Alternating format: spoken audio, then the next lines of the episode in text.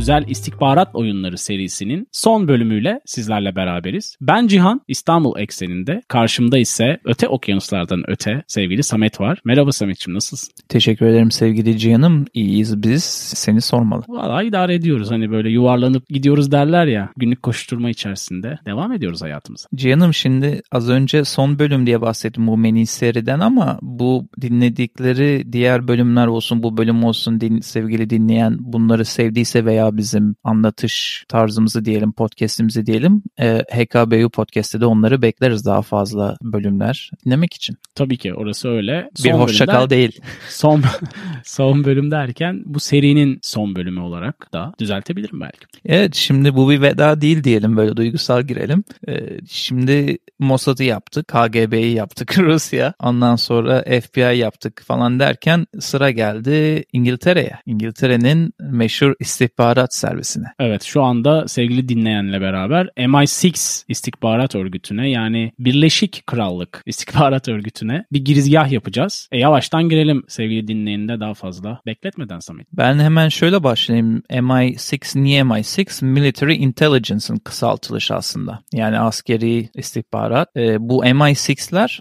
MI1'den yani Military Intelligence 1'den 12'ye kadar zamanında çıkmış. Özellikle Birinci Dünya Savaşı zamanında iyice biliyorsun bu tarz casusluğun önemi çok artmıştı. Bilgi taşıma anlamında. 12'ye kadar çıkıyor bu birimler. Bazı birimler sadece İskandinav ülkelerine yoğunlaşıyor. Bazı birimler sadece bilgi çalmaya yoğunlaşıyor falan derken e, MI5 ülkenin içindeki güvenlik gibi bir kurum oluyor. MI6, MI6 da yurt dışı istihbaratı gibi oluyor. Sanki Amerika'daki CIA, FBI tarzı bir ayrım. Diğer bahsettiğim MI'ların hepsi de e, bu 5 ile 6'nın çatısı altına daha sonrasında toplanıyor ve dolayısıyla bu 5 ile 6 da güçlenerek bir şekilde evet. tekelleşmiş olarak ayakta kalıyor diye bir giriş yapayım. Sen de istersen yine bu kronolojik veya temel bilgi anlamında seversin. Oradan e, lafı sana verelim. Oradan devam edelim. Temel bilgilerden de bahsedelim dediğin gibi sevdiğimiz kısımlar. 1909 yılında kurulmuş bir teşkilattan bahsediyoruz. Baktığımız zaman diğerlerine göre tarihi biraz daha eski olan bir yapıya sahip. Personel sayısı tabii ki yaklaşık olarak tahmin etmek gerekirse 3000 civarında öngörülüyor. Bütçe olarak da 3,5 milyar dolar civarında bir bütçesi olduğundan bahsediliyor birçok yerde. 3 aşağı 5 yukarı bu mertebede olduğu söyleniyor. Bu arada bu rakamlar görece olarak Amerika'daki FBI CIA'ya göre çok çok düşük rakamlar diye de böyle karşılaştırmalı bir ek not ekleyeyim. E, bütçe ve çalışan anlamında. Onun aslında belirgin bir özelliği var bu farkın oluşmasında. Ondan da bahsederiz. İşleyişle alakalı temel bir fark var çünkü bahsetmiş olduğun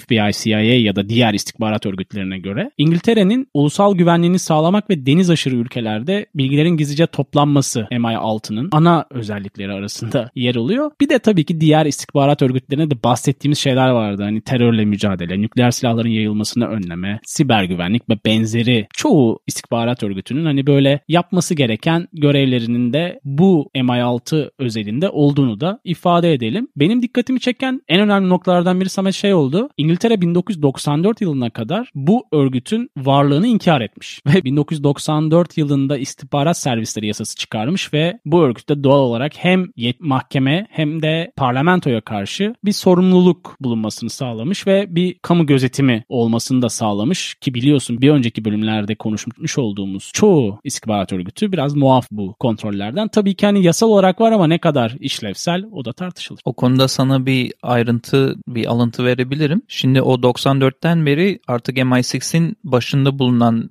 kişinin de ismi halka açılmış oldu. Öncesinde bilmiyordu kim çalışıyor, kim başında diye. Onların eski liderlerinden biri Sir Richard Dearlove. Zaten Sir yani ünvanını da almış hizmetlerinden dolayı. O mesela şey diyor Parliamentary Oversight Committee yani senin bahsettiğin o yasalardan sonra böyle bir kurul var. Bu kurula biz hesap vermek zorundayız diyor. Ona gelen şeye soruya cevap olarak çünkü soru şey hani kurallara bağlı mısınız yoksa gidip kafanıza göre bir şeyler yapıyor musunuz falan. Hani tabii ki de çok siyasi bir cevap. Orada senin dediğin gibi evet, bilemeyiz tabii. ne kadar doğru. Aynı ama şey de sormuşlar. Salisbury atakları olduğunda ki biliyorsun bundan bahsetmiştik diğer bölümlerde. Bu konu nasıl hissettiniz diye. O da şey demiş. Bence çok çaylakça yapılan bir e, saldırı veya assassination suikast idi. Çünkü eline yüzüne bulaştırdılar. Ama bu onları küçümseyebileceğimiz anlamına gelmiyor. Rusya'nın çünkü DNA'sına işlemiş başka milletlere espiyonaj yapmak diye böyle sert bir açıklaması vardı o röportajda. Sonra en büyük İngiliz İngiltere için tehlike nedir diyor günümüzde. Bu videoda işte birkaç senelik falan. E, cevabı 3 şey saymış orada. Biri çok ilgimi çekti. Bir, cyber capability yani o siber olayları evet. zaten hep konuşuyoruz. İki, domestic terrorism onu zaten uzun uzun anlattık özellikle FBI CIA muhabbetlerinde. Ama benim ilgimi çeken cevap migration dedi adam. Yani hmm. düz hani bu düşündüğün zaman bir suç değil. Düz bir şekilde migration dedi ve göçten bahsetti. Evet. İngiltere'nin en büyük sorunu tehlikesi nedir daha doğrusu sorunu demek tehlikesi nedir dedi kadın ve göç dedi. Aldığımız göçler dedi. Buradan da paralel evrendeki diğer bir sürü göç alan ülkelere mesaj gitsin. Hani çünkü sanırım orada adamın birazcık isyanı tam olarak insanları screen etmeden, background'una bakmadan neydi belirsiz insanları da İngiltere'ye sokmuş olmak biliyorsun Londra'da bir sürü ataklar oldu. Hani metrolar falan olsun geçmişte. Biraz önce senin değinmiş olduğun yerden devam edeyim. Hani bütçe olarak bakınca diğer istihbarat örgütlerine göre düşük bir bütçe olduğundan bahsettin. Bu noktada da MI6'in operasyon yöntemiyle olaya dahil olacağım. Çünkü genelde bu işi silahla çözmeyi değil de daha çok ajan yetiştirip ki hani kundaktan yetiştirmek tabirini kullanmak pek de yanlış olmayacaktır. Bu şekilde insanları yetiştirip o insanları destekleyip ondan sonra kritik noktalar onları yerleştirdikten sonraki güneşin batmadığı bir imparatorluğun devamı biliyorsun bu ülke. O yüzden dolayı göstermelik olarak bir sürü ülkeyi özgürleştirdiler ama hepsi kraliyete bağlı. Bu bağlılığı sağlamanın ana formülü tabii ki oraya kendi adamlarını yerleştirmek. Bir dipnot bu eğitilen insanların birçoğu hatta ajan olduklarından bile haberdar değillermiş. Çünkü o şekilde nitelikli olarak bir eğitimden geçip bayağı İngiltere'ye bağlı, onların çıkarlarını gözeten bir şekilde hayatlarını sürdürüyorlar. Tabii ki birçoğu biliyor ama bilmeyenler de varmış. O çok değişik bir detay olarak önüme geldi. Şeyde bahsetmeden geçmeyelim. Mesela James Bond da MI6 olaylarından esinlenmiş. Dünya ünlü bir ajan. Tabii ki gerçekçiliği yok birebir. Sıfır. Ben hep şey ben sıfır evet. Ben hep şey yapıyorum. E, yani bütün bu 5 bölümde yaptığım gibi eski ajanlar veya geçmişini artık gün yüzüne çıkarmak isteyen insanların röportajlarını falan dinlemeyi çok seviyorum. Yine ajan olmuş veya az önce bahsettiğim eski lideri gibi. Burada mesela James Bond'la ilgili sorular soruyorlar bu eski ajanlara. Bu tarz şeyler popüler kültürde var ama hani şey diyor mesela kadın biri El-Kaide ile ilgili e, El-Kaide'ye sızan kendi ajanlarıyla ilgili Londra'da irtibatta kalmakla görevli bir kadın. Hmm. Söylüyor görevini zaten şey simsiyah e, röportajda sesi değiştirmiş her şey falan hani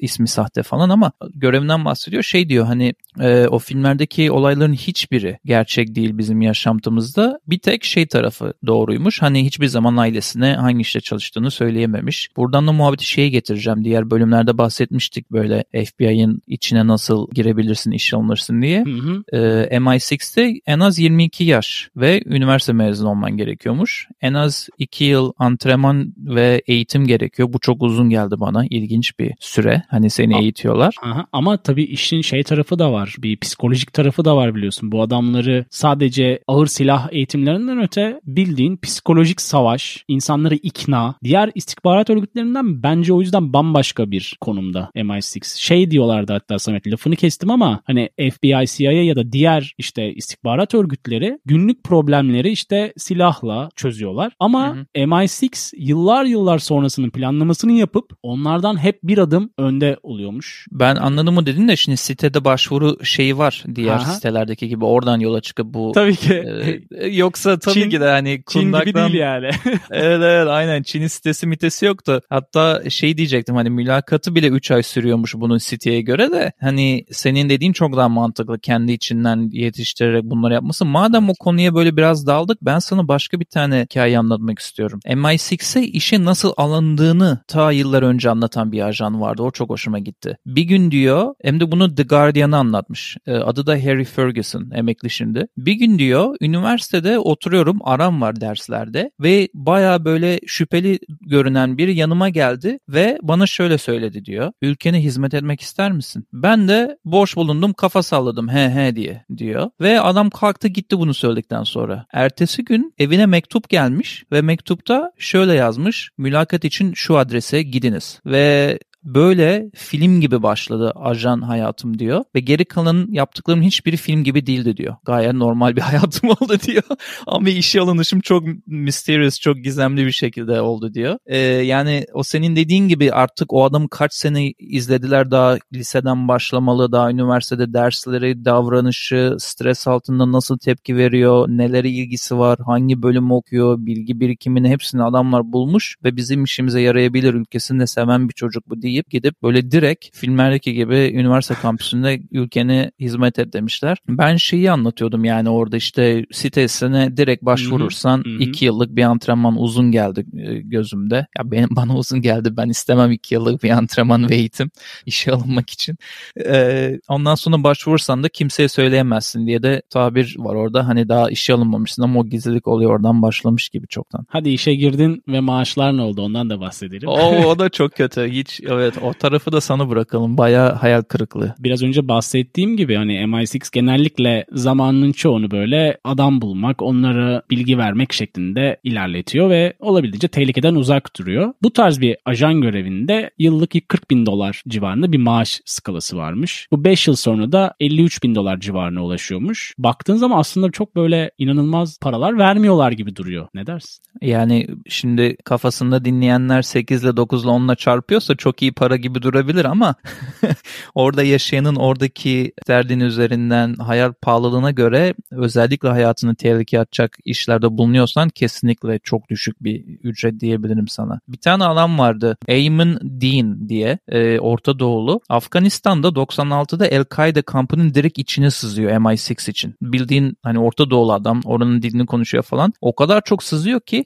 bir an Bin Laden'le e, kampta kendini buluyor. Böyle Bin, Laden konuşma yaparken kampa kendini o ortamda buluyor. Hatta etkilendiğini söylüyor. Liderimsi ve konuşma özelliklerinden Bin Laden'in. Niye anlatıyorum bu adamı? Bu adam işte radyolar, telefonlar taşımış, e, bilgiler taşımış, şunu bunu yapmış MI6 için ve emekli olduğunda soruyorlar. Bu MI6 için çalışırken değdi mi para anlamında sana ödenen? Hayır diyor. Çok düşük bir ücretti diyor. Hatta diyor e, geçinmek için böyle birebir yetiyordu diyor. Peki diyor bitirdiğinde Londra'ya döndüğünde emekli olduğunu yani bıraktığında bu işleri değdi mi diyor. O zaman e, işte yıllık 18 bin pound almış çalışırken aktif olarak. Çok düşüktü diyor. Ama bitirdiğimde diyor send off diyorlar ona. Send off money'i yani o bitti artık ilişkin bizimle git hayatını yaşa dedikleri parayı çok yüksek meblağda vermişler dediğine göre rakam vermese de çok rahat yaşıyorum artık hayatımı dedi. Ve adama son olarak şeyi söylüyorlar. Sence diyorlar bütün bu yaptığın görevler arasında hiç böyle kahramansı bir şekilde taşıdığın e, bilgiler sayesinde bir ata bir şeyi önlediğini düşünüyor musun El-Kaide tarafına özellikle bu saldırının çok yüksek olduğu yıllarda ve şey diyor bir keresinde diyor kampta e, New York'ta New York Subway'e saldırılacağı tartışılıyordu. Bunu MI6'e yolladığımda MI6 de bunu Amerikalılara yollamıştı. Orada bayağı e, işte casusluk e, aktivitelerimin işe yaradığını düşünmüştüm diye de cevap veriyor. Tabii şimdi bahsettiğimiz örgüt Birinci Dünya Savaşı, İkinci Dünya Savaşı, Soğuk Savaş. Bu İkinci Dünya Savaşı yıllarında en aktif rol alan ve birçok operasyonu gizlice gerçekleştiren bir örgüt yapısına sahip MI6. Hatta o dönem Rusya'nın lideri olan Stalin MI6'i diğer istihbarat örgütlerinin yanında farklı bir yere koyup onlardan biraz gözü korkuyormuş. Çünkü biraz önce de bahsettiğimiz gibi kimin nerede, nasıl veri toplayıp o bilgileri sızdırdığı ya da kimin ajan olduğu baya bu kalemun tarzında çalışan dünyanın en sinsi istihbarat örgütü olarak adlandırılan bir örgütten bahsediyoruz esasında. Şimdi bu övgüleri ve bütün bu yargıları bir anda kıracak tam zıt bir hikaye anlatacağım sana. Her istihbarat örgütünün nasıl başarılıysa senin dediğin gibi aynı zamanda kendi içinden fire verdiğine dair bir örnek olarak. İşte madalyonun diğer yüzünü Samet'ten alıyoruz sevgili dinleyen. Aynen. Kim Philby diye bir arkadaş var. Tam ismi Harold Adrian Russell. Kim Philby İngiliz istihbarat birimine giriyor ve o kadar güvenilip terfi ediliyor ki bir noktada MI6'de bu adama diyorlar ki sen Rusya'dan, KGB'den, Sovyet'ten işte 2. Dünya Savaşı sırasında sorumlu olacaksın birim olarak MI6'de diyorlar. Ama bütün Hı-hı. bunlar olurken bu adam double agent ve Rusya için çalışıyor. bütün İngiliz informasyon hepsini Rusya'ya yolluyor ve wow. daha sonra ortaya çıkan ve adı da Cambridge Five denen 5 tane çok yüksek pozisyondaki MI6 ajanının Rusya'ya e, düzenli olarak bilgi yolladığı ve onları ajanlar için çalıştığı ortaya çıkıyor. Bu arkadaş da Cambridge Five dedikleri bu beşlinin en önemli ismi. Şimdi bu adam o kadar çok Rusya'ya çalışıyor ki emekli olduğunda da Rusya'da kalıyor. Moskova'da yaşıyor ve Moskova'da vefat ediyor ve Moskova'da cenaze töreni olduğunda Moskova yani Rus devleti askeri bir törenle bütün o atışlar yapılıyor, madalyonlar bilmem neler böyle bayağı gösterişli bir cenazeyle onu sonsuzluğa uğruyorlar minnettar oldukları için bu İngiliz arkadaşı. Bir tane röportajı var ve bununla kendi adıma notlarımı bitirmek istiyorum. Çok hoşuma gitti. Bir tane röportajı var ve şey diyorlar. Neden ülkene ihanet ettin? Ve cevabı da arkadaşın To betray you must first belong diyor ve çok hoşuma gitti. Daha sonra bununla ilgili şarkılar yapılmış. Bu arkadaş e, bir kitap yayınlamış. Onun üzerinden başka kitaplar yayınlanmış. Çok gerçekten e, etkileyici bir kişilik. Çünkü hayatı boyunca double agent dediğimiz çift casusluk hayatını sürmüş. Başarıyla sürmüş. İngilizler tarafından hiçbir zaman alt edilememiş bir eski MI6 ve KGB ajanı. İhanetin de bir bedeli var ve bu bedel onun için görkemli bir cenaze olmuş gibi duruyor Samet. Senin bölümün başlarında bir ajan üzerinden verdiğin bir açıklama vardı işte ilk siber güvenliğin öneminden falan bahsediyordu. MI6 geniş ölçekli ilk bilgisayar hacker altyapısını çok önceden oluşturan ve bunun faydasını fazlasıyla gören bir istihbarat örgütüymüş. Şöyle bir dipnot da vereyim bununla ilgili. MI6 ajanları El-Kaide'nin online dergi sitesini ele geçirmişler Samet ve oraya cupcake tarifiyle nasıl bomba yapılır başlıklı bir tarif koymuşlar dalga geçmek için. yani bu tarz böyle sinsi mesajlar da karşı tarafa düşman olarak gördükleri yerlere iletmişler. Ben böyle kafamda şöyle bir şey şekillendi. Herhalde bununla eğleniriz diye düşündüm sana söylemek için. Bütün bu beşli arkadaşı böyle bir sınıfın e, öğrencileri gibi düşündüm. Şimdi burada Mossad kesinlikle hırçın, her şeyi kırıp döken, bağıran, sınıfın böyle agasıyım ben, çekilin lan şeklinde bir çocuğu gibi resmettim kafamda. Hani böyle Çinli küçük, çocuğu küçük olur boyu ve sınıfta ağalık taslar hani biraz geç Aynen. ve onu yapan bir şirket. Sonra e, Çinli çocuğu da şey diye tahmin ettim. Böyle nerd, kısa boylu, gözlüklü, sürekli bilgisayar başında uzaktan işlerini halleden. Hani laptopunda falan. ve önde oturan. Evet evet önde oturan dersinde en çok çalışan. Sonra bu MI6'i de şöyle biraz gözümde canlandı. Daha böyle gentleman, soft dokunuşu olan, daha böyle efendi ama alttan sinsi sinsi gravatı falan hep düzgün böyle altını oyan çocuk gibi düşünün. Bilmiyorum katılıyor musun? Kesinlikle tespitlerinde %100 haklısın. Öyle bir imajı var. Canti delikanlı MI6. A- Aynen öyle yani bu İngiliz gentlemanliğini sonuna kadar kullanan bir birim diyebiliriz. Öyle ve sana hadi bir farklı bir anekdot daha vereyim hani sistem içerisindeki buglarla alakalı. MI6'in o dönem başında bulunan Sir John Sowers diye bir adam varmış ve neredeyse işinden oluyormuş adam eşi yüzünden. Çünkü eşi Facebook'ta profil fotoğrafı olarak ailesinin bütün fotoğrafını koymuş hesabı açıp. Ondan sonra evlerin adresi dahil bir sürü bilgiyi de Facebook'a koymuş. Aa, Bu yani şans eseri diyorlar ama muhtemelen tabii ki yani kayıtlarda şans eseri yazıyor böyle tesadüfen yazıyor ama mutlaka bunlar tabii ki ajanlar tarafından takip edilen insanlar ve hemen işte bütün bilgileri sistemden çekmişler, silmişler Facebook datasından ama tabii ki hiçbir şey ortadan tamamen kaybolmuyor. Yok internet dünyasında kaybolmuyor. Bir saniyeliğine bile bir tweet atsan aman sileyim şunu pişman oldum desen bir yerde bir screenshot'ı ekşi tamam. sözlükte falan vardır yani.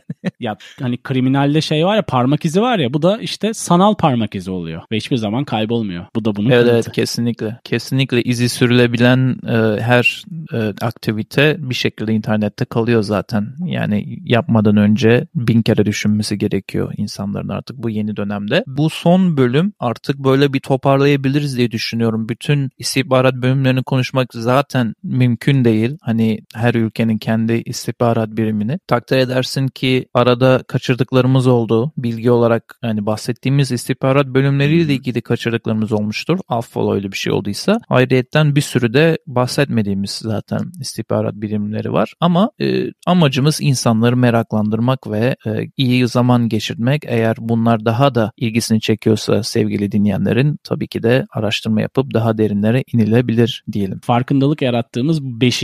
istihbarat örgütleri bölümünün böylelikle sonuna gelmiş oluyoruz. Sonuna kadar bizimle yolculuk yaptığın için teşekkürlerimizi ve şükranlarımızı iletiyoruz. Bizi dinlediğiniz için teşekkürler. Bir başka podcast'te, bir başka hayatta, bir başka platformda bir yerlerde artık görüşmek üzere diyelim. Hoşçakalın. Hoşçakalın. Görüşmek üzere.